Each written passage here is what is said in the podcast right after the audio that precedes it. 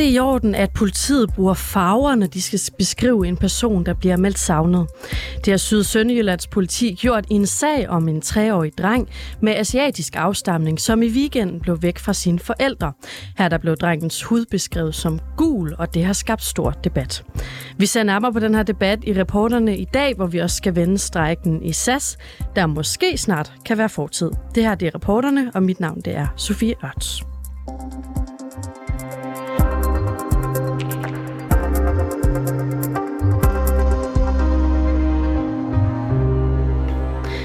Tre år, gul hud, sort hår. Sådan lød en del af det tweet af Syd- og Sønderjyllands politi, som omhandlede en dreng med asiatisk afstamning, der blev fundet uden sine forældre i søndags. Men beskrivelsen af, at drengen har gul hud, den har altså forarvet flere borgere, som med det samme har reageret på det her tweet. Det var blandt andet dig, Sabrina Louise Christiansen. Godmorgen. Godmorgen. Du er byrådsmedlem i Frederiksberg Kommune for Enhedslisten. Hvad er egentlig problemet i, at øh, Syd- og Sønderjyllands politi beskrev den her dreng som en, der har gul hud? Altså først og fremmest er det et problem, fordi der er ingen mennesker, der er gul i huden. Øhm, hud er ikke gul er ikke en hudfarve. Øhm, derudover så er det også et kæmpe problem, fordi man op igennem tiden har brugt gul i huden som værende en racistisk bemærkning til netop asiater, øhm, og næsten endnu mere specifikt til kinesere. Øhm, så altså, problemet ligger i, at, den, øh, at det simpelthen bærer øh, racistiske associationer. Du har faktisk selv været udsat for at blive øh, omtalt på den her måde. Vil du ikke prøve kort bare sådan lige at beskrive den oplevelse? Altså, jo, jeg har også selv været udsat for at blive omtalt som værende gul i huden og øh, andre, andre ting. Jeg, jeg er halv filipiner øh, og er vokset op i netop Sønderjylland. Øh, og, og har været faktisk nærmest som, som barn nærmest været vant til øhm, at blive kategoriseret som brun eller øh, som, som gul eller et eller andet. Ikke? Øh, hele tiden at blive sat ind i en bås. Men jeg havde en periode, hvor mine klassekammerater havde det med at kalde mig for den lille gule lort. Øhm, fordi en ting, jeg er meget lille, men, øh, men de, fordi at jeg netop er halv asiat, så blev jeg kaldt for den gule lort. Og hvordan var det? Ja, det er ikke rart. Det er jo aldrig nogensinde rart, altså uanset om det er, altså det er jo aldrig nogensinde rart at blive mobbet, det er aldrig nogensinde rart at være udsat for racisme, øhm, og, og derfor så er det jo også fuldstændig ude af proportioner, at, øh, at politiet simpelthen vælger at beskrive en, en lille dreng som værende gul i huden. Du var en af dem, som reagerede på øh, politiets tweet, før vi, vi vidste, om det rent faktisk handlede om øh, etnicitet eller hudfarve. Mm. Øh, der var for eksempel folk, som gættede på, om den her dreng kunne have gulsot, eller om mm. han kunne have en øh, form for leversygdom. Hvordan kunne du vide, at øh, der ikke var god grund til at beskrive ham på den måde? Øh, jeg skriver faktisk i mit tweet, da jeg reagerer på det, at med mindre drengen har gulsot, eller leversvigt, øh, så, skal man ikke, øh, så skal man ikke omtale ham som værende gul i huden. Øh, og, øh, og altså, jeg antog med det samme, at det ikke var det, der var tale om. Øhm, og det har jo så også vist sig senere hen, at der var heller ikke tale om, at drengen havde gulsot eller leversvigt, øhm, men at han netop var asiatisk afstamning. Øhm, jeg vælger også at reagere på det, fordi uanset hvad, øhm, så beskriver man ikke folk på den måde. Altså, man vil jo heller ikke, altså hvis det var en med afrikansk her, eller altså afstamning, så vil man heller ikke bruge N-ordet, eller hvis det var en, der var fra Mellemøsten, så vil man heller ikke bruge P-ordet. Det er virkelig, virkelig, virkelig uprofessionelt af Sydjyllands politi at beskrive ham som værende gul i huden. Hvordan vil du beskrive øh, den her dreng, hvis du på en eller anden måde gerne vil indikere, at du tænkte, at drengen var asiatisk afstamning? Jeg vil skrive, at han var af asiatisk afstamning. Øhm, meget simpelt. Øhm, og jeg havde, jeg havde faktisk også uh, snakket med nogle af mine venner her den anden dag, hvor de var sådan, jamen, hvor ligger balancen og sådan noget. Så siger jeg, jamen, prøv, for, forestil jer, hvad er det, de for eksempel siger i USA. Øhm, ikke når man skal tale om altså det, sådan, det dybt racistiske USA, men der vil man sige, jamen de er latino eller latina, de er asiatisk afstamning, de er hispanic, altså hele tiden tænk over, hvordan er det egentlig, du beskriver folk, og lad være med at skrive, beskrive folk som værende gul i huden. Sabrina og Louise Christiansen øh, bliver endelig stående, fordi vi vender tilbage til dig lige om lidt. Først så skal vi lige høre fra Syd- og øh, Sønderjyllands øh, politi. Godmorgen, Jan Lambertsen. Godmorgen. Du er øh, vicepolitiinspektør i Syd- og Sønderjyllands politi, og jeg skal lige have dig til at skrue en lille smule op for dit eget øh, input på den øh, app, vi har der med via. Så kan jeg lige stille spørgsmålet i mellemtiden. Jan Lambertsen, skulle I have formuleret jer anderledes i den her efterlysning af den treårige dreng? Altså, set i bagklogskabens ulidelige klare lys, øh, så skulle vi jo nok. Øh, men men i, i situationen, der, der tænker vores vagtchef øh, slet ikke i de der baner. Altså, han har et mål for øje, og det er simpelthen at, at få barnet øh, forenet med sine forældre. Men selvfølgelig, når vi kan se, der kommer den her hæftige øh, kritik øh, fra nogle sider efterfølgende, så er det selvfølgelig noget, vi skal have i vores øh, fremadrettede overvejelser. Slet ingen tvivl. Kunne man have nævnt, at man har en mistanke om, at barnet er asiatisk afstamning? Ja, øh, det, det, det kunne man. Øh, vores udfordring en gang imellem, det er, at øh, hvis vi nu ikke er sikre på, at det er asiatisk afstamning, øh, det kunne jo være noget andet, får vi så lagt nogle tanker i, i hovedet på de folk, som faktisk skal finde de her forældre. Altså sørge for, at de her de bliver ført sammen derude. Så, så det er altid en overvejelse, hvordan vi, vi lægger vores ord øh, i de her sager. Tirsdag eftermiddag, der udgiver Syd- og Sønderjyllands politi et nyt tweet, hvor øh, I blandt andet skriver, at I blev klar over, at beskrivelsen den kan opfattes som krænkende, og at det beklager I selvfølgelig, det har ikke været jeres hensigt. Men hvorfor var det, I valgte at gå med den her beskrivelse om gul hud? Jamen det er simpelthen, øh, og, og det gør vi øh, altid, når vi har med, med vidner at gøre, altså borgere, der retter henvendelse. Vi tager deres ord øh, og, og, og bruger dem i, i beskrivelsen, fordi det, det er ligesom vores måde at viderebringe det til andre borgere, fordi det en borger ser, det er vores forventning, at det er også det, andre borgere ser. Så hvis man beskriver en eller anden farve, en eller anden hårlængde, øh, hvad det nu kan være, så er det det, borgeren har set, og det bliver viderebragt til de andre borgere, som vil se det samme billede, hvis, hvis, hvis det giver mening. Og det gør I uden at stille øh, opfølgende spørgsmål, som for eksempel om, øh, ja, hvilken afstamning man kunne formode, at det her barn har? Vi, vi laver altid øh, opfølgende spørgsmål. Altså vi forsøger at konkretisere øh, de her, altså det, det kalder vi jo signalementer, øh, vi har, øh, vi laver. Det er jo simpelthen et efterforskningsskridt, vi anvender. Og det forsøger vi jo altid at, at få så konkret som, som muligt. Men det er også vigtigt, at vi, øh, hvad skal vi sige, fastholder den her objektivitet, øh, fordi går vi ind og danner vores eget, for eksempel, det blev nævnt, at vi kunne have sagt, øh, at det var asiatisk afstamning, hvis borgeren ikke siger det, og hvis borgeren ikke mener det, så er det jo lige pludselig vores subjektive opfattelse af det, og det skal vi jo heller ikke øh, komme med. Kunne I have beskrevet den her dreng uden at nævne øh, beskrivelsen af hans hudfarve? Det bliver jo lidt svært, øh, altså fordi vi, vi har en, en, en, en dreng, øh, som er af anden øh, etnisk oprindelse end, end dansk, øh, og igen, når jeg siger det her, så kan det jo også misfortolkes. Øh, når vi er nødt til at beskrive øh, en eller anden farve, så er det jo nogle gange netop for at konkretisere, at det er nogen af en anden øh, nationalitet, måske en, en, en dansk, vi leder efter. Øh, ja, Øh, øh, men jeg kan ikke lade være med at tænke på, altså det er vel begrænset, hvor mange treårige drenge, der går rundt øh, alene og mangler sine øh, forældre. Bestemt bestemt. Øh, og, og, og netop som jeg siger, jamen når man bagefter bliver opmærksom på det her, øh, så skulle man måske have overvejet, om man kunne have brugt noget andet. Men i nuet, der har vi en vagtchef, som øh, har det her mål for øje. Jeg skal altså have det her barn øh, genforenet med sine forældre. Og så nogle gange, øh, så er det måske også lidt nemmere. Øh, vi sidder i har få minutter til at lave et eller andet. Efterfølgende, så er der andre, der har øh, lang tid til at Øh, hvad skal vi sige, genoverveje øh, vores udtalelser. Øh, og da jeg snakkede med vagtchefen, øh, han var mega ked af, at det her det var blevet opfattet forkert, fordi han havde kun den ene tanke, at det her stakkels barn skulle øh, genforenes med sine forældre, som heldigvis så var lykkelig over, at vi havde bragt de her ting og havde gjort det her for at, at genforene.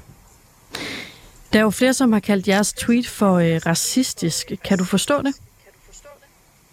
Øh, nej, det kan, jeg, det kan jeg faktisk ikke. Hvorfor ikke? Øh, fordi det har ingen overhovedet øh, tanker i den øh, anledning. Det her det er udelukkende et arbejdsredskab, vi bruger, altså det her signalement, vi bruger øh, for at og, og, hvad skal vi sige, opklare øh, den her sag, altså genforene. Øh, så der har overhovedet ikke været nogen øh, overvejelser, og jeg vil, jeg vil sige, øh, hvis man kaldte mig racist, fordi jeg havde brugt øh, en, en, en farve, øh, så ville jeg være noget fortørnet over det, så ville jeg føle mig meget krænket, øh, fordi det har overhovedet ikke øh, noget i den øh, hensigt. Men så lad os finde ud af, Jan Lambertsen, hvor, hvor grænsen den egentlig går. Hvad nu, hvis der var en, der ringede med en, øh, en angivelse af en, pers- af en person, der er forsvundet, eller en person, de har fundet, og så brugte ja, N-ordet til at beskrive vedkommende. Vil I så også gengive det? Nej, og det er jo der, det er jo der den nok bliver lidt øh, problematisk, fordi øh, det er jo legitimt at bruge ordet sort, øh, men jeg kan så forstå, at det er ikke legitimt at bruge ordet gul. Øh, Øh, og det giver os altså lidt, øh, lidt problemer rent øh, arbejdsmæssigt, fordi vi er nødt til at kunne nuancere, og det er jo ikke kun hudfarve, det kan være hårfarve osv. Vi er nødt til at kunne nuancere de her forskellige farvekategorier. Så øh, nej, jeg vil ikke bruge øh, N-ordet, fordi det, det, det, det er vi øh, klart bekendt med, men der bruger vi jo sort, øh, og det er jo en farve ligesom gul. I har jo valgt at slette jeres øh, oprindelige tweet, hvor I øh, beskriver den her dreng. Hvorfor har I gjort det? Jamen det har vi selvfølgelig gjort, fordi vi øh, jo så forstår, at øh, det, er, det er krænkende øh, for nogen, og det har vi jo overhovedet ikke til hensigt at krænke nogen. Tværtimod, øh, vores hensigt det er simpelthen at, at lave den her genforening. Så, så hvis det, vi har skrevet noget, der er krænkende, så trækker vi det selvfølgelig tilbage. Det vil vi jo ikke have, have stående. Men har I slettet det, fordi I selv synes, det virker forkert, eller fordi andre synes, det virker forkert? Altså, når andre synes, det virker forkert, så skal vi ikke have det stående som en myndighed. Jan Lambertsen, øh, vicepolitiinspektør i Syd- og Sønderjyllands politi. Tak, fordi du var med her til morgen. Velbekomme. Sabrine Louise, Sabrina Louise Christiansen, øh, byrådsmedlem i Frederiksberg Kommune for Enhedslisten. Du er stadig med i studiet her hos mig. Hvad tænker du om de ting, der bliver sagt her? Øhm, jeg, jeg vil sige, jeg, jeg synes, det er... Øhm, jeg synes faktisk ikke, at det er, det er et, et velovervejet svar. Det kan, eller, det kan godt være, at det er et velovervejet svar. Jeg synes bare ikke, det er godt nok. Øhm, og øh, at sige, at, øh, at racistisk ikke, eller, eller sige, at tweetet ikke er racistisk, øhm, fordi at der ikke har været motivation bag ved det, det gør det ikke, altså, det gør det ikke, at det ikke er racistisk alligevel, fordi det er stadig en racistisk bemærkning, der er blevet brugt. En, eller i hvert fald en bemærkning, som har øh, racistiske associationer, som har en racistisk historik. Øhm, så at sige, at, at tweetet ikke er racistisk, øhm, den køber jeg ikke. Han lægger sig jo fladt ned i forhold til deres måde at håndtere det her på. Øh, hvad synes du ellers politiet i Syd- og Sønderjylland skulle have gjort? Jamen, altså, jeg synes faktisk, det er, det er ret stort af dem, øhm, at de, de tager det i sig. Øhm, men havde folk ikke reageret på det, havde folk ikke været sådan, hey, dude, det der, det er, det er altså racistisk, så havde de jo ikke, en, så havde de jo ikke reageret på det, fordi det var ret tydeligt, at de ikke selv kunne se, at det var en racistisk bemærkning. Og så vil der jo helt sikkert også sidde nogen derude og, og stusse over, om du i det her tilfælde ikke bare kommer til at forarve dig lidt på andre folks vejen. Uha, jeg har sågar fået altså, beskeder i min private messenger øh, på Facebook af folk, der har været forarvet over, at jeg ikke har bedre ting at give mig til, øh, som for eksempel rent faktisk at lave politik. Øh, man kan jo så sige, at jeg er jo gået på sommerferie, så øh, jeg har al den tid i verden, jeg har brug for.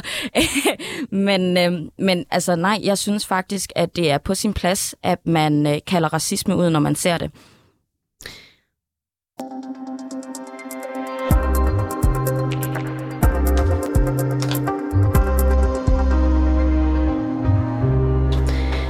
Nu prøver vi lige at brede den her debat øh, lidt længere ud. Vi har nemlig taget den med ud på gaden i Odense.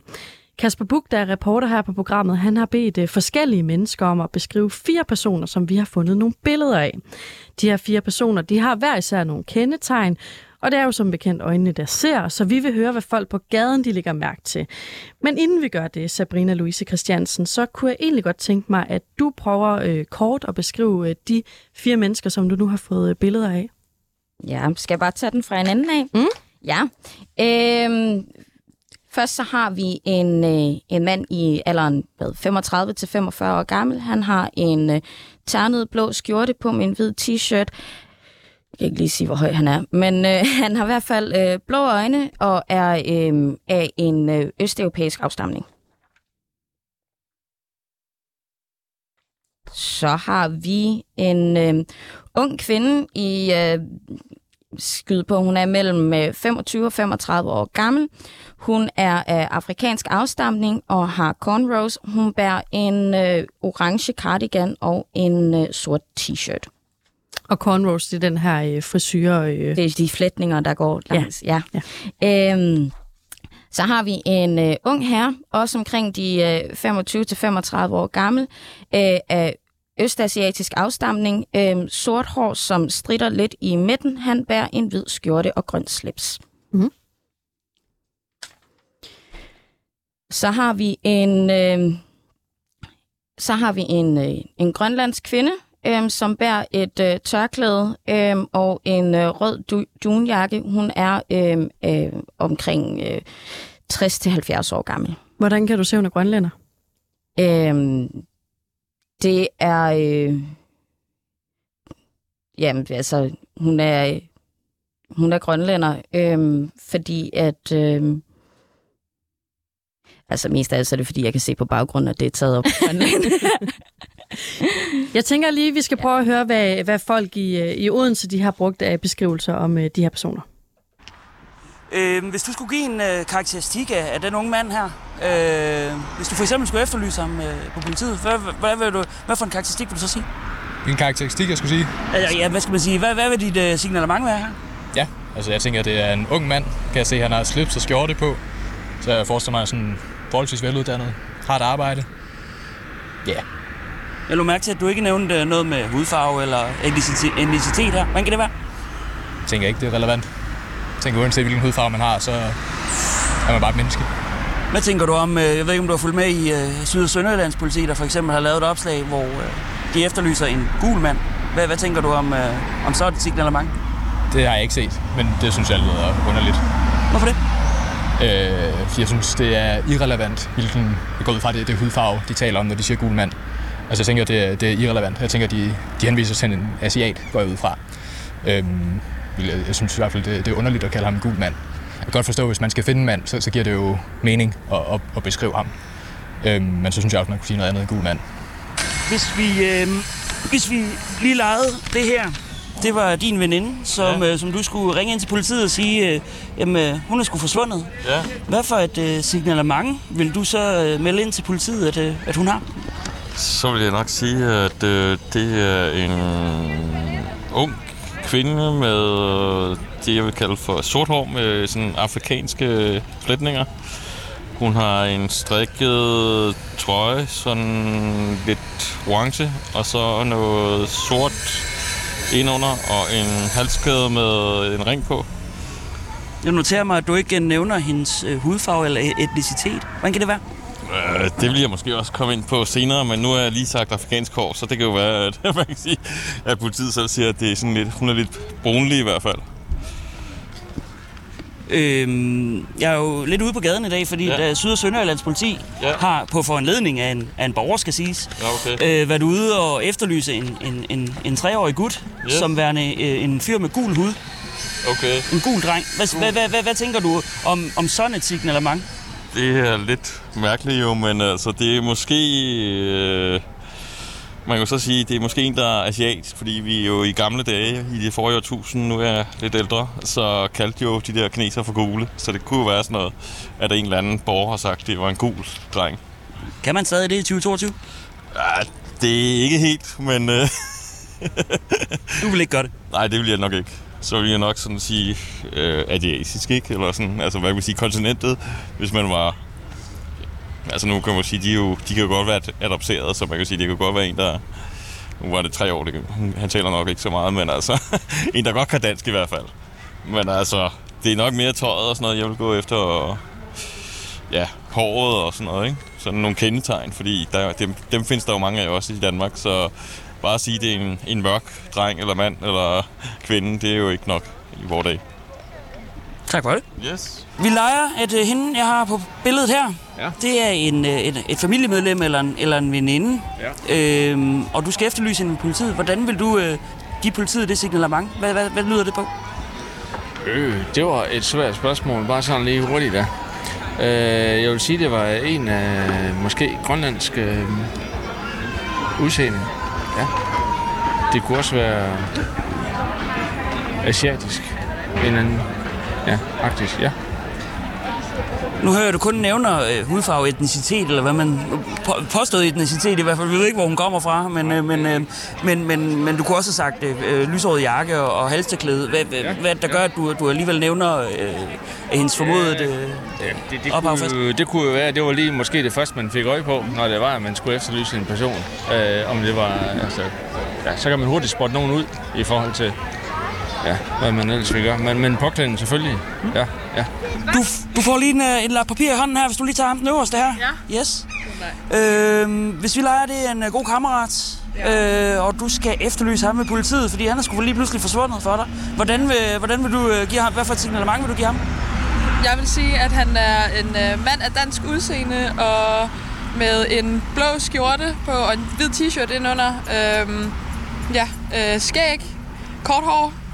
Ja, og jeg noterer mig, at øh, en af de første ting, du siger, det er dansk udseende. Ja. Hvordan ser en dansk udseende egentlig ud? øh, ja, det er jo et godt spørgsmål. øhm, ja, det ved jeg ikke, hvordan jeg skal svare på. Øh, jeg spørger også lidt, fordi vi er ude, fordi at, øh, at der, der har været så et signalement af en, øh, en, en treårig dreng, ja. som værende. Han, er, han har en gul hudfarve. Synes I, øh, synes I det, eller synes du det er i orden? Øhm, og, og sige det på den måde? Det, det ved jeg ikke. det ved jeg ikke. Det, det er sådan lidt både og, fordi på den ene side, så kan man sige, at det er jo sådan, det er. Men så længe der ikke ligger nogen racistiske bagtanker bag det, så kan man også sige, så er det egentlig også okay. Men øh, hvis det er det første, man vurderer en person på, og hvis det er noget negativt med en, så mener jeg selvfølgelig, at det ikke er jo. Så det kommer an på, hvad der ligger til grund for det. Ja, sådan lød det fra øh, nogle af de borgere, som øh, Kasper Buk petersen han mødte i øh, Odense. Sabrina Louise Christiansen, hvad tænker du om de ting, der bliver sagt her? Øh, lige til den, den sidste bemærkning der. Øh, det er, det er stadig racistisk, selvom der ikke er et racistisk motiv bag ved det. Ikke? Altså, når, hvis vi skal bekæmpe racisme, så bliver det også nødt til at være en, kulturel, altså, altså en kulturændring, vi skal have gang i. Ikke? Øhm, så det er stadig racistisk, selvom at det ikke har været altså, racistisk øh, motiveret. Så, øh, så ja, altså, der, der, der kunne jeg godt lige mærke, min, øh, min tær, de krummede lidt. Tror du, det bliver sidste gang, du kaster dig ind i sådan en øh, debat her? Overhovedet ikke. Sådan lød det fra øh, Sabrina Louise Christiansen, byrådsmedlem for Enhedslisten i øh, Frederiksberg Kommune. Tak fordi du kom. Selv tak.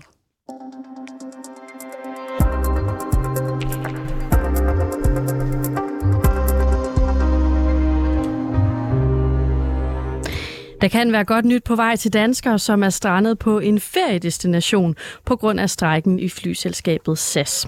I dag der vil SAS og Dansk Pilotforening nemlig genoptage overenskomstforhandlingerne og se, om ikke de kan finde frem til en løsning. Og der har altså været meget mudderkast frem og tilbage i den her sag, men nu prøver vi altså lige at dykke helt ned i, hvordan det rent faktisk er at være pilot i SAS i dag. Jakim Cesar, velkommen til programmet. Tak skal du have. Du er første styrmand i SAS, og så er du en af de piloter, der strækker lige nu. Og der er jo nok en dansker eller to, som sidder derude og i den sidste uge har forbandet piloter som dig langt væk, og også den strække, som du er en øh, del af, fordi det har betydet nogle aflyste sommerferie. Men prøv lige at sætte nogle ord på, hvordan har den sidste uge egentlig været for dig?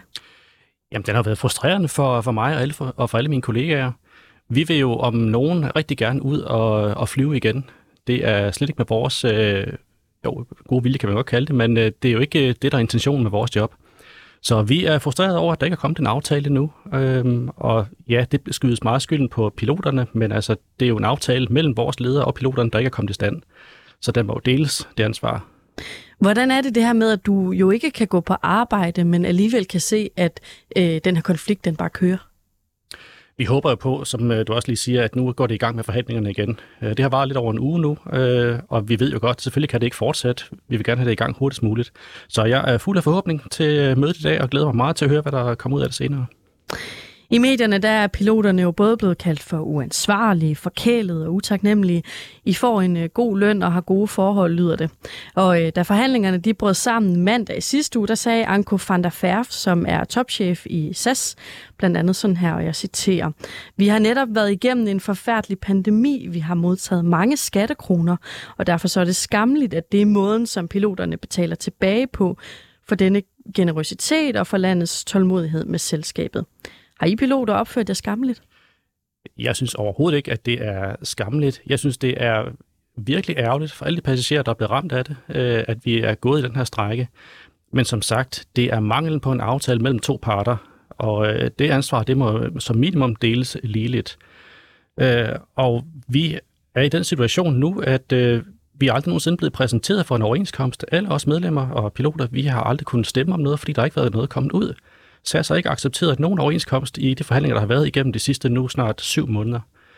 Og øh, så vidt jeg forstår, så øh, de tilbud, der kommer på bordet, det er, at vi skal gå ned i løn. Det er vi forberedt på. Så vi strækker lige nu, så absurd som det lyder, vi strækker lige nu for at få lov til at kunne gå ned i løn, og det må vi åbenbart ikke. Hvor meget er I villige til at gå ned i løn? Det ved jeg ikke, for jeg har ikke set den aftale. Øh, jeg kender simpelthen ikke beløbet, men øh, vi ved, at vi skal nok gå ned i løn, eller op i tid, eller begge dele. Det er det, som vi forventer kommer ud af det, og det er også det, vi er forberedt på. Men vi har åbenbart ikke kunnet få noget klart svar på, hvad skal der egentlig til, for at vi kan få underskrevet en aftale. Det har jo været nævnt øh, længe, at SAS er i krisetid. Kræver piloterne for meget SAS under en krise? Det synes jeg absolut ikke. De forhold, vi har nu, de er helt i tråd med, hvad der ellers findes i branchen i øjeblikket.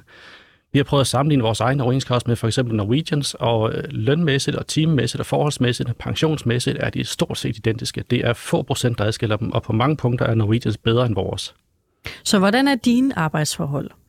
Jeg blev ansat i SAS, eller genansat, efter at have været røget ud af, øh, efter corona her. Jeg var ude i et år og fire måneder, og er kun lige kommet tilbage i maj nu her. Og øh, jeg havde så ikke mulighed for at komme tilbage til København, som jeg fløj fra før, så jeg er kommet op til Norge og har base i Oslo nu. Og øh, det betyder for mig personligt, at øh, jeg skal bruge min fritid på at rejse til Oslo og møde ind derop øh, hver morgen. Og hvis øh, jeg skal møde tidligere om morgenen, så kan jeg ikke nå en flyver derop. Så skal jeg rejse op dagen før på egen regning og selv betale for hotelophold derop, før jeg kan komme på arbejde. Og det samme, når jeg skal hjem igen. Og så vil nogen jo så sige, at du får også en klækkelig løn for det. Ja, øh, vi får, bliver meget tit skudt i skoene det her med, at vi får en løn på 1 million, og det er som ofte et gennemsnit, så nogen burde tjene mere end det. Og der kan jeg ærligt sige, at øh, min løn den ligger lige nu på øh, 57.138 norske kroner. For vi har jo udbetalt de norske kroner selvfølgelig. Okay. Og øh, det skal så konverteres til danske. Og jeg havde et Facebook-opslag for ikke så længe siden, som øh, jeg diskuterede en del på. Der tjente jeg ca. 42.000 danske på en måned. Her i går tjekkede jeg lige, der var det røget ned til 41.353 kroner, udelukkende på grund af kursen.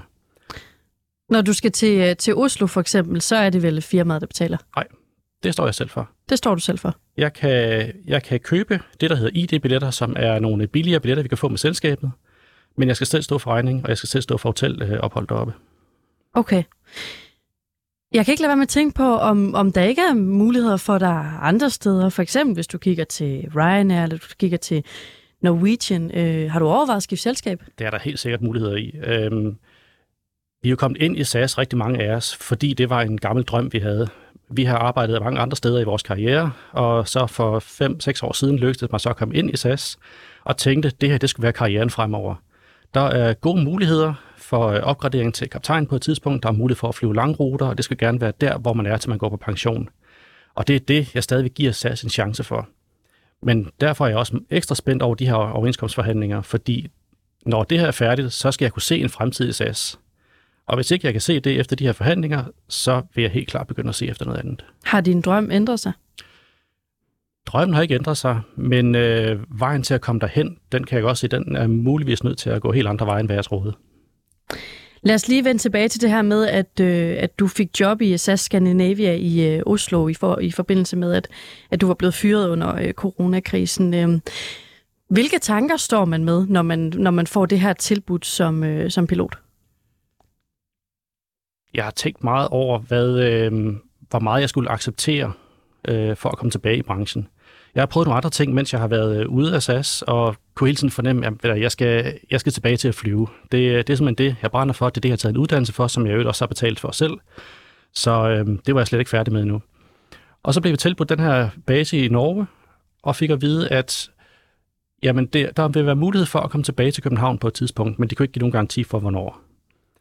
Så jeg tog chancen og sagde, okay, jeg accepterer at være i en periode i Norge, og så håber jeg på snarest muligt at kunne komme tilbage til København og flyve herfra. Og er du blevet klogere på, på om det er en mulighed? Overhovedet ikke. Fordi jeg aner ikke noget om, hvornår vi kan komme tilbage igen. Men det, jeg kan se og konstatere, er, at øh, SAS' andet datterselskab, det der hedder SAS Connect, flyver utrolig meget ud af København i øjeblikket, og har taget stort set alle de ruter, som jeg fløj på før i tiden. Så du har altså oplevet en, øh, en fyring i SAS, og så en genansættelse i øh, Oslo, vil jeg mærke. Hvis vi ser på noget af den øh, mudderkast, der har været, og nogle af de ord, som er kommet fra SAS' øverste ledelse i, øh, i forbindelse med den her strejke og de her forhandlinger, hvordan har det så påvirket dit forhold, og måske også dit syn på den ledelse, der er i den virksomhed, du jo arbejder i? Jeg er meget øh, ærgerlig og frustreret over at høre de ord, der kommer fra øh, ledelsen derindefra at man øh, bruger så meget energi på at øh, tale nedsættende om sine egne medarbejdere, øh, og utroligt nok i en tid, hvor øh, hele verden skriger efter arbejdskraft, så synes vores ledelse åbenbart, at det vigtigste, det er en kamp internt mellem øh, medarbejderne og ledelsen. Og hvad tænker du om det? Det synes jeg er en absurd situation at stå i øjeblikket, når man ser på, at mange andre selskaber, de øh, har rigtig meget brug for folk, de ansætter i hovedtal i øjeblikket. Øh, men vores ledelse synes åbenbart, at det er vigtigere at spille medarbejderne ud mod hinanden internt, end at koncentrere sig om konkurrenterne. Hvordan har det egentlig påvirket, øh, hvad kan man sige, snakken øh, i piloter i blandt det, der foregår lige nu? Vi er meget frustreret over det, og vi er trætte af at skulle muligvis kæmpe om vores egne jobs i fremtiden øh, med diverse datterselskaber, som SAS påtænker at, at åbne. En gang der var vi jo alle sammen en samlet pilotgruppe, øh, og vi havde den her samlede karrierevej, vi kunne se frem til. Men nu kan vi se, at øh, nu kommer der underselskaber ind, som skal øh, flyve på det samme rute, som vi gør, i den samme uniform, og der står også SAS på halen, øh, og folk køber også en billet med SAS. Men det er et andet selskab. Vi har ingenting med dem at gøre, og vi kan ikke flyve på deres fly, og de kan ikke flyve på vores. Så vi er to helt forskellige grupper, som konkurrerer om de samme arbejdspladser og de samme ruter. Og så kan man jo godt se, at det nok i virkeligheden har været det, konflikten har handlet om. Det har været, at vi skal have en masse øh, opsplittede medarbejdere, som alle sammen kæmper internt mod hinanden om de samme jobs. Jeg bliver nødt til at spørge dig, øh, hvis der nu sidder nogle andre arbejdsgrupper og lytter til det her interview, lad os bare tage sygeplejerskerne, som jo også har, har været i strække flere omgange, fordi de, de selv mener, at de bliver underbetalt i hvert fald. Kan du forstå, hvis der sidder nogen og tænker derude, øh, kig på, hvad der kommer ind på din lønseddel om måneden, og så vær glad for det? Det har jeg hørt mange gange, og da sygeplejerskerne strækkede, der hørte jeg også, at de fik det samme. At de skulle bare være glade for, hvad de havde, fordi der var mange, der havde det meget værre end dem. Og det er en lidt besøndelig tendens, jeg synes, der findes i debatten i Danmark med, at vi skal alle sammen hive hinanden ned, fordi der er altid nogen, der har det værre end mig. Øhm, vi får en ganske fin løn. Vi, øh, det er ikke en kongeløn, øh, men på et eller andet tidspunkt, så ender vi muligvis op omkring den der 1 million om året, som der er nogen, der snakker om. Det er vores slutløn.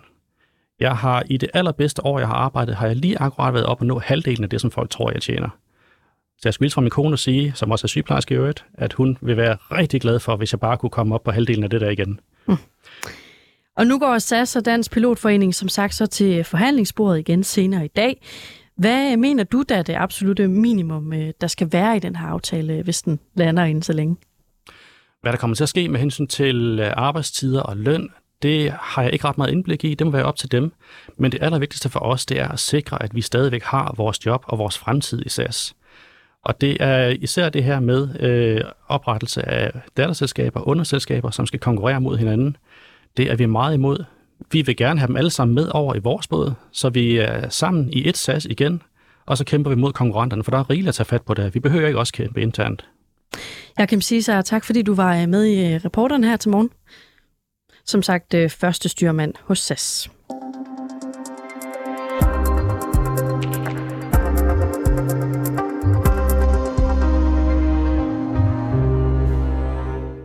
Nu skal vi til den vesttyske by Ludwigshafen, hvor en af de lokale sportshaller altså snart skal omdannes til en kollektiv varmestue for byens borgere. Friedrich Ebert Halle, som blandt andet har været brugt som vaccinationscenter under coronapandemien, den skal nemlig stå til rådighed for de borgere, der ikke har råd til at opvarme deres bolig, når vi går ind i de koldere måneder. Og det hænger altså sammen med krisen i, Rus- i Ukraine. Lasse Sol Sunde, 24-7's øh, Tysklands korrespondent. Velkommen til programmet. Tak skal du have. Mandag morgen der lukkede øh, russiske Gazprom jo for den gas, som løber fra Rusland til Tyskland gennem øh, Nord Stream 1. Og forklaringen den er meget simpel. Den skal nemlig vedligeholdes. Så hvad er det, tyskerne frygter? Jamen, de frygter jo over på den anden side. Altså, man siger, at det her vedligeholdelsesarbejde, som sker rutinemæssigt hvert år, ja, 10 dage tager det, øh, at så vil russerne ikke tænde for gassen igen. Man har kunne se på forsyningerne fra Rusland gennem Nord Stream 1, at men kontinuerligt, øh, den er faldet hen over de seneste par måneder, og, øh, og der kan, de, der kan de jo godt sidde og regne ud, tyskerne, at øh, med de trusler, der er, at det, at man jo også har lukket for gassen til blandt andet Danmark eller Polen eller en række andre europæiske lande, jamen altså, så kan man risikere, at vinteren begynder allerede den 11. juli i år. Og nu hører vi så fra Ludvigshafen, Ludwigshafen, at de gør klar til at huse nogle af deres borgere i en sportshal. Men hvad er der egentlig ellers af eksempler på, at tyskerne, tyskerne har en nødplan? Man kan sige, at mange øh, tyske byer og kommuner, de er lige nu i gang med at lave altså sådan, øh, nødplaner for deres egen forsyning. Altså den her, det her, vi hører fra Ludwigshafen, det synes jeg så er, er lidt usædvanligt ud fra, hvad man ellers ser rundt omkring i Tyskland. Altså, øh, men men som kommune kan man jo sagtens spare på energien. Man kan jo for eksempel slukke for gadebelysningen, man kan skrue ned for varmen på rådhus og på skolerne, man kan, kan man sige, sætte graderne ned i, i, øh, i i vandet i svømmehallerne. Altså, man kan gøre mange. Lasse, jeg skal lige have dig til at, at skrue op. Det øh, virker som om, vi har en eller anden uh, teknisk uh, fidus, der leger med os. Vi skal lige have dig til at skrue lidt uh, op inde uh, i din uh, app. Yes, uh, jeg skruer op her og håber, at jeg... Sådan. Ja. Er det, er det bedre nu? Så går du igennem. Hvad er der ellers af eksempler på de her nødplaner? Jamen altså, vi har set, at øh, tyske kommuner lige nu er i gang med at, at lave altså, alle mulige planer for, hvordan de selv kan spare på energien. Altså, øh, at man, så man skruer ned for energiforbruget i de kommunale bygninger og, øh, og varmer mindre op i svømmehallerne osv. Så, så, så der er rigtig mange steder, hvor, hvor tyskerne, så at sige, kvæg deres myndigheder godt kan, kan spare lidt ekstra. Og hvordan kan det her komme til at ramme den øh, helt almindelige tysker, hvis nu Rusland beslutter sig for ikke at, at genåbne gassen? Jamen, jeg vil sige især på arbejdspladserne, det er sådan, at, øh, at det jo er sådan, altså reglerne siger, når gassen begynder at blive knap, ja, så er det faktisk de private, der har forrang, så ens egen lille bolig, den skal nok blive varmet op, men øh, måske det lokale kemiværk øh, ikke kan få den gas, der skal til, og det er sådan i Tyskland, at, øh, at det er industrien, som er ekstremt afhængig af, af gassen fra Tyskland, eller fra, fra Rusland. Øh, og for eksempel ser vi på øh, kemiindustrien, jamen altså så 90% af alle de produkter, som ellers bliver produceret i Tyskland, der indgår der kemi, og kemiproducenterne er de største øh, enkelt, så at sige, forbrugere øh, set som branche. Øh, og øh, det kan jo betyde, at, øh, at vi får en kraftig krise øh, i Tyskland øh, økonomisk, at arbejdspladser simpelthen må lukke ned, fordi at der øh, ikke er den energi, der skal til. Vi har set, at, øh, at den, det tyske aktieindeks er faldet med øh, 12 procent herhen over de seneste par måneder, begrundet i gassen. Vi har set beregninger, der viser øh, økonomiske tab på op mod 200 milliarder euro skulle der så at sige være sådan en full-blown gaskrise. Kan Tyskland potentielt stå over for en økonomisk krise, hvis øh, gassen ikke kommer tilbage? Det kan det. Øh, og, øh, og det er det, som, som man lige nu sådan, hvad kan man sige, hele tiden tæller på fingre omkring. Man er begyndt at indregne nogle scenarier, øh, og det man nu prøver på lige nu, det er at sige, hvordan kan vi gå, gå den anden vej? Øh, og, øh, og der har vi øh, den tyske økonomi- og klimaminister Robert Habeck, som, øh, ja, som lige nu rejser rundt i Europa. Han har været i Tjekkiet, han har været i Østrig. Øh, han skal videre rundt for at lave aftaler, som man kan få mere energi fra ens nabolande skulle øh, det ske, at, øh, at der bliver lukket helt ned fra, fra russisk side. Og netop øh, Robert Habeck har jeg faktisk også et øh, lille lydklip med fra, som øh, jeg lige synes, vi skal prøve at høre. Das wird Deutschland vor eine Zerreißprobe stellen, die wir lange so nicht hatten. Ja, det her kan sætte Tyskland på en afgørende prøve, som vi ikke har oplevet længe, siger han altså her.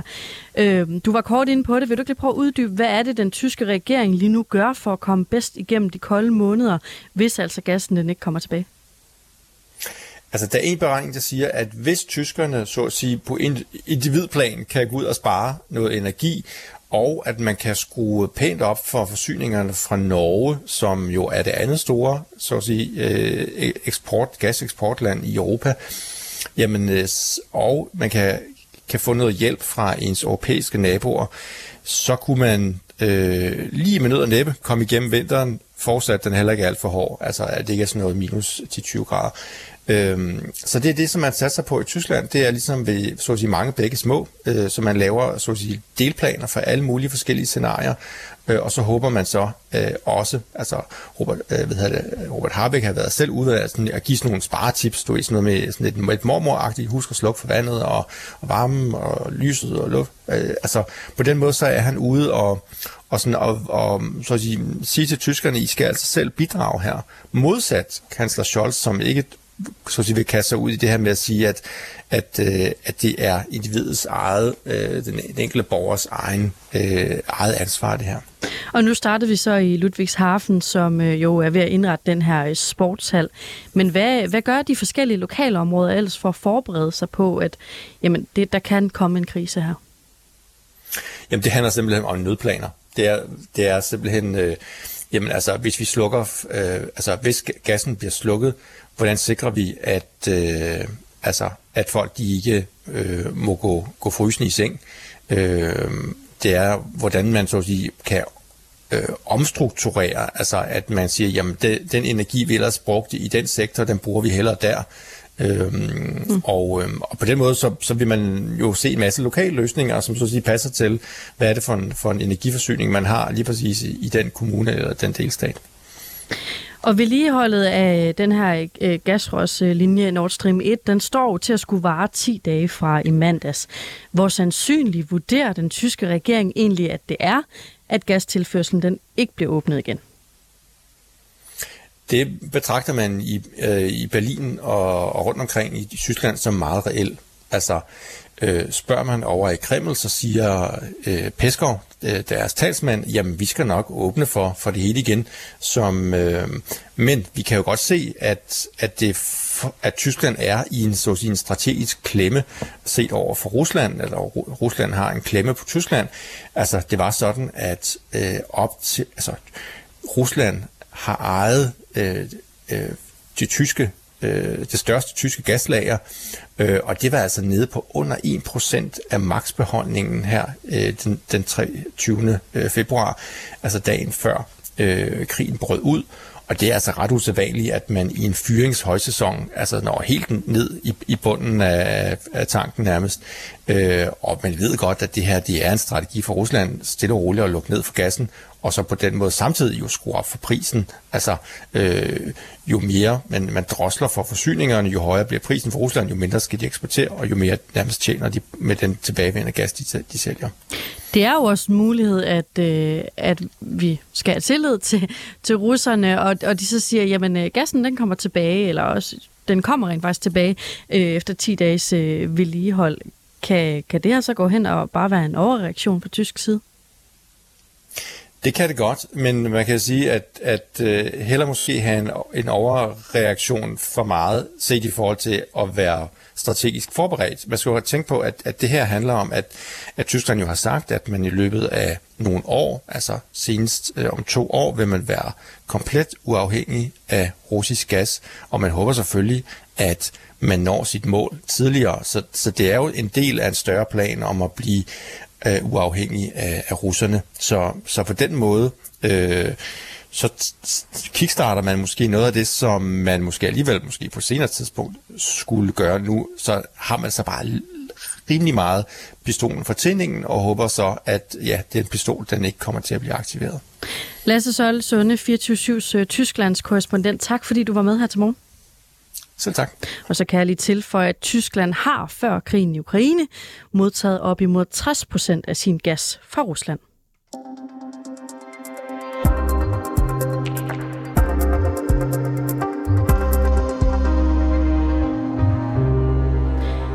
Priserne stiger. Så meget dyrere bliver det at være dansker, og langvarig økonomisk krise.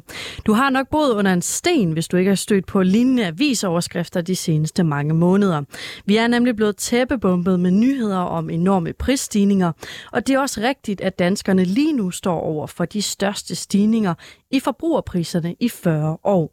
Men nu ser det altså ud til, at der måske kan anes en lille lysning.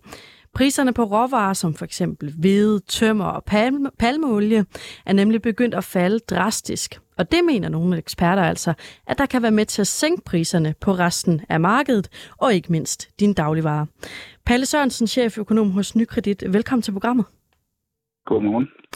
De danske forbrugerpriser de var i juni måned 8,2 procent højere end samme tid sidste år.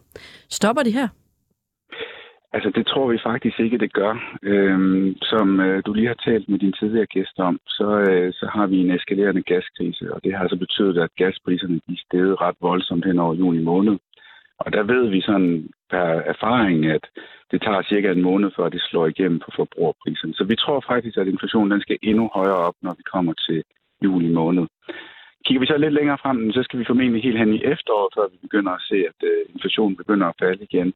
Og inden vi vender tilbage til sådan en, en mere normal inflation på de her cirka 2% som er, det, man normalt går efter, jamen så kigger vi måske ind i slutningen af næste år, før vi ser det igen.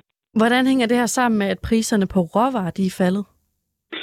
Ja, men altså, det er sådan, at, at råvarepriserne, de kører sådan et lidt andet forløb end forbrugerpriserne. Så vi kan godt se nogle, nogle ret markante fald i råvarepriserne, uden at det så dagen efter giver sig udslag i, i lavere priser nede i supermarkedet på den sags så øh, det er selvfølgelig positivt, og det er jo med til at fjerne lidt af inflationspresset, at vi nu ser, at nogle af råvarerne falder i pris. Du nævnte øh, selv øh, tømmer og jern. Derudover så er olieprisen også igen kommet under de her 100 dollar per tønde efter at have været oppe på 130 dollar. Så der er en række ting, der ligesom peger retning af, nu bliver tingene lidt billigere igen, og det er med til at fjerne noget af presset på, øh, på forbrugerpriserne. Men det betyder desværre ikke, at øh, inflationen den er væk i morgen. Du siger, at det kan fjerne noget af presset på øh, forbrugerpriserne. Kan det komme danskere som dig og mig til gode? Jamen, det kan det helt sikkert. Altså, det mest oplagte, det er, at øh, nogen har nok allerede lagt mærke til det. Altså, hvis man går ned og tanker sin bil ned på benzintanken, jamen, så vil de fleste kunne konstatere, at i løbet af den sidste måned, så er benzinprisen altså faldet ret markant. Og det er jo blandt andet det, der sker, når olieprisen kommer lidt ned i gear igen. Øh, jamen, så ser vi også øh, faldende priser, og noget af det rammer også øh, danskerne relativt hurtigt, blandt andet gennem lavere benzinpriser. Okay, men hvor lang tid skal der gå, før at de slår igennem, så jeg kan se dem nede i min lokale netto? Ja, altså der, der er tommerfinderreglen, at man siger sådan, at når, når der er omkostningsændringer, altså både omkostningsstigning eller omkostningsfald, jamen, så tager det faktisk op imod et helt år, før det er afspejlet fuldt ud i forbrugerprisen. Så altså de her fald, vi ser på blandt andet hvede, så skal det igennem, øh, det skal igennem øh, melproducenten, så skal det videre til bageren, og så skal det ud til forbrugerprisen. Og den proces tager altså lang tid. Og derfor der kan vi nok forvente, at vi måske skal et helt halvt år frem, før vi begynder at se, øh, at de her fald, vi ser i øjeblikket, rent faktisk giver, slår igennem på forbrugerprisen. Mandag aften der kunne man i en artikel i øh, Politiken læse, at det formentlig er slut med den her historisk høje inflation. Og tre øh, eksperter de var ude at sige, hvordan øh, faldende øh, råvarepriser snart vil stikke en kæp i hjulet på den her øh, inflation, der var løbet løbsk. Hvordan hænger det sammen med de ting, du fortæller mig nu? Ja, men altså i hvert fald, hvis vi ser sådan historisk, hvad der sker, så behøver der ikke nødvendigvis at være sådan en en til en sammenhæng mellem, at øh, fødevarepriserne for eksempel, råvarepriserne falder, og, øh, og forbrugerpriserne kommer ned. Så der er i hvert fald, øh, der kan være andre faktorer, der er afgørende for, at øh, inflationen kommer ned. Vi tror jo også, at inflationen kommer ned her til efteråret, men det er lidt af nogle andre årsager. Det er mere et generelt pres, som begynder at forsvinde. Vi ser nogle markeder, der kommer lidt bedre i balance, og det kan også give nogle prisfald rundt omkring, og det er med til at trykke inflationen ned. Og så er det også sådan med inflation, som jo er et mål for, hvordan priserne har ændret sig det sidste år. Jamen så, når vi kommer hen i efteråret i år, jamen så de her store prisstigninger, vi oplevede på energi sidste år, jamen de begynder så at falde ud af inflationen. Og det vil også være med til at trykke inflationen ned. Så vi tror sådan set også, at inflationen kommer der af. Vi tror bare ikke, at det er den helt store forklaring er, at øh, de råvareprisfald, vi lige har set på den korte bane. Er det noget med, at markedet simpelthen går ind og, og regulerer sig selv efter en krise, som vi havde under corona? Ja, præcis. Så, så en, en af grundene til, at vi begyndte at få høj inflation i efteråret sidste år i starten af det nye år, altså før krigen i Ukraine, jamen det var de her ubalancer, der var på markederne, der var for få varer og for stor efterspørgsel, og så øh, når øh, der ikke er nok øh, udbud i forhold til, hvor mange der gerne vil købe varerne, så stiger priserne. Og så skal priserne igen finde et naturligt leje. Vi skal have bedre balance på markederne, så vi sikrer, at udbud og efterspørgsel det matcher bedre. Og når det så sker, blandt andet når de globale forsyningskæder og fragtsystemet øh, generelt det begynder at fungere bedre, jamen så ser man også, at priserne de normaliserer sig en smule. Så det er også et, et udtryk for det, vi ser i, i dag på, på de faldende råvarepriser. Man kunne også øh, i den her uge læse på øh, DR Nyheder, at prisstigninger kan koste en gennemsnitsfamilie op mod 35.000 kroner om året. Det er jo en overskrift, der står i stærne, skærende kontrast til det, som politikken har beskrevet. Vil det her tal holde stik, hvis priserne de falder? Jamen, det, det kan. Altså, så, så det tal, som øh, du henviser til fra DR, det er sådan en, en, en opgørelse af, hvad betyder det, at inflationen i øjeblikket er på de her 8,2 procent.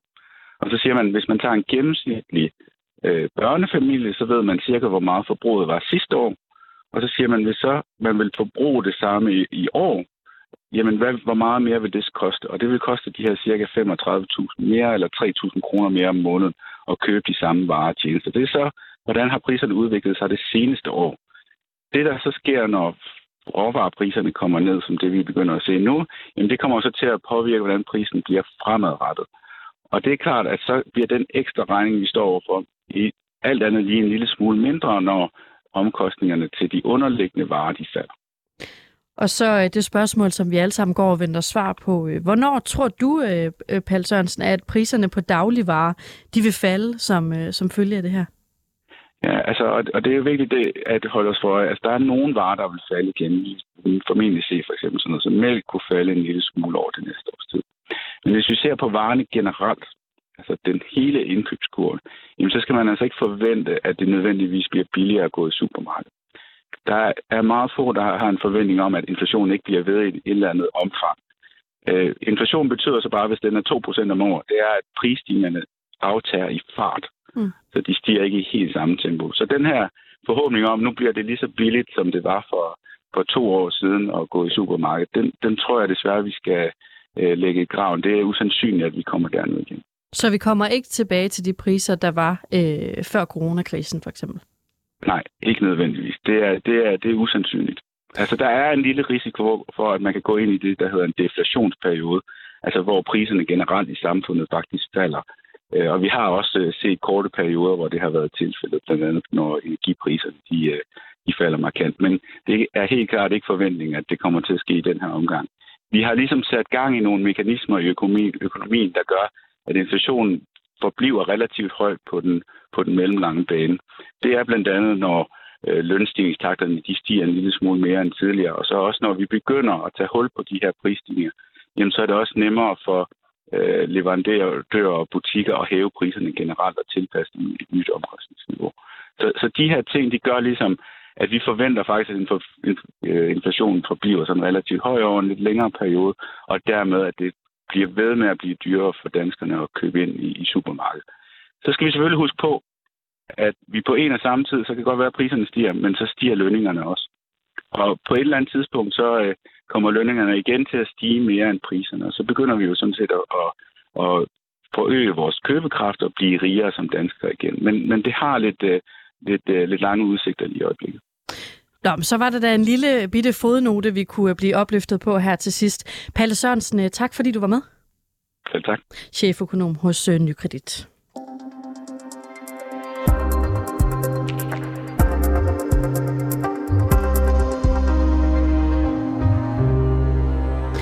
Det var alt, hvad vi havde valgt at bringe i reporterne for i dag. Det var Mathias Stilling, som øh, førte mig hele vejen i havn i dag. Han producerede programmet. Jeg selv hedder Sofie Ørts. Jeg er tilbage igen i studiet i morgen fra klokken 8 til klokken 9. Husk, at du kan downloade reporterne som podcast, lige der hvor du plejer at høre den slags. Du kan også høre det i vores 24-7-app.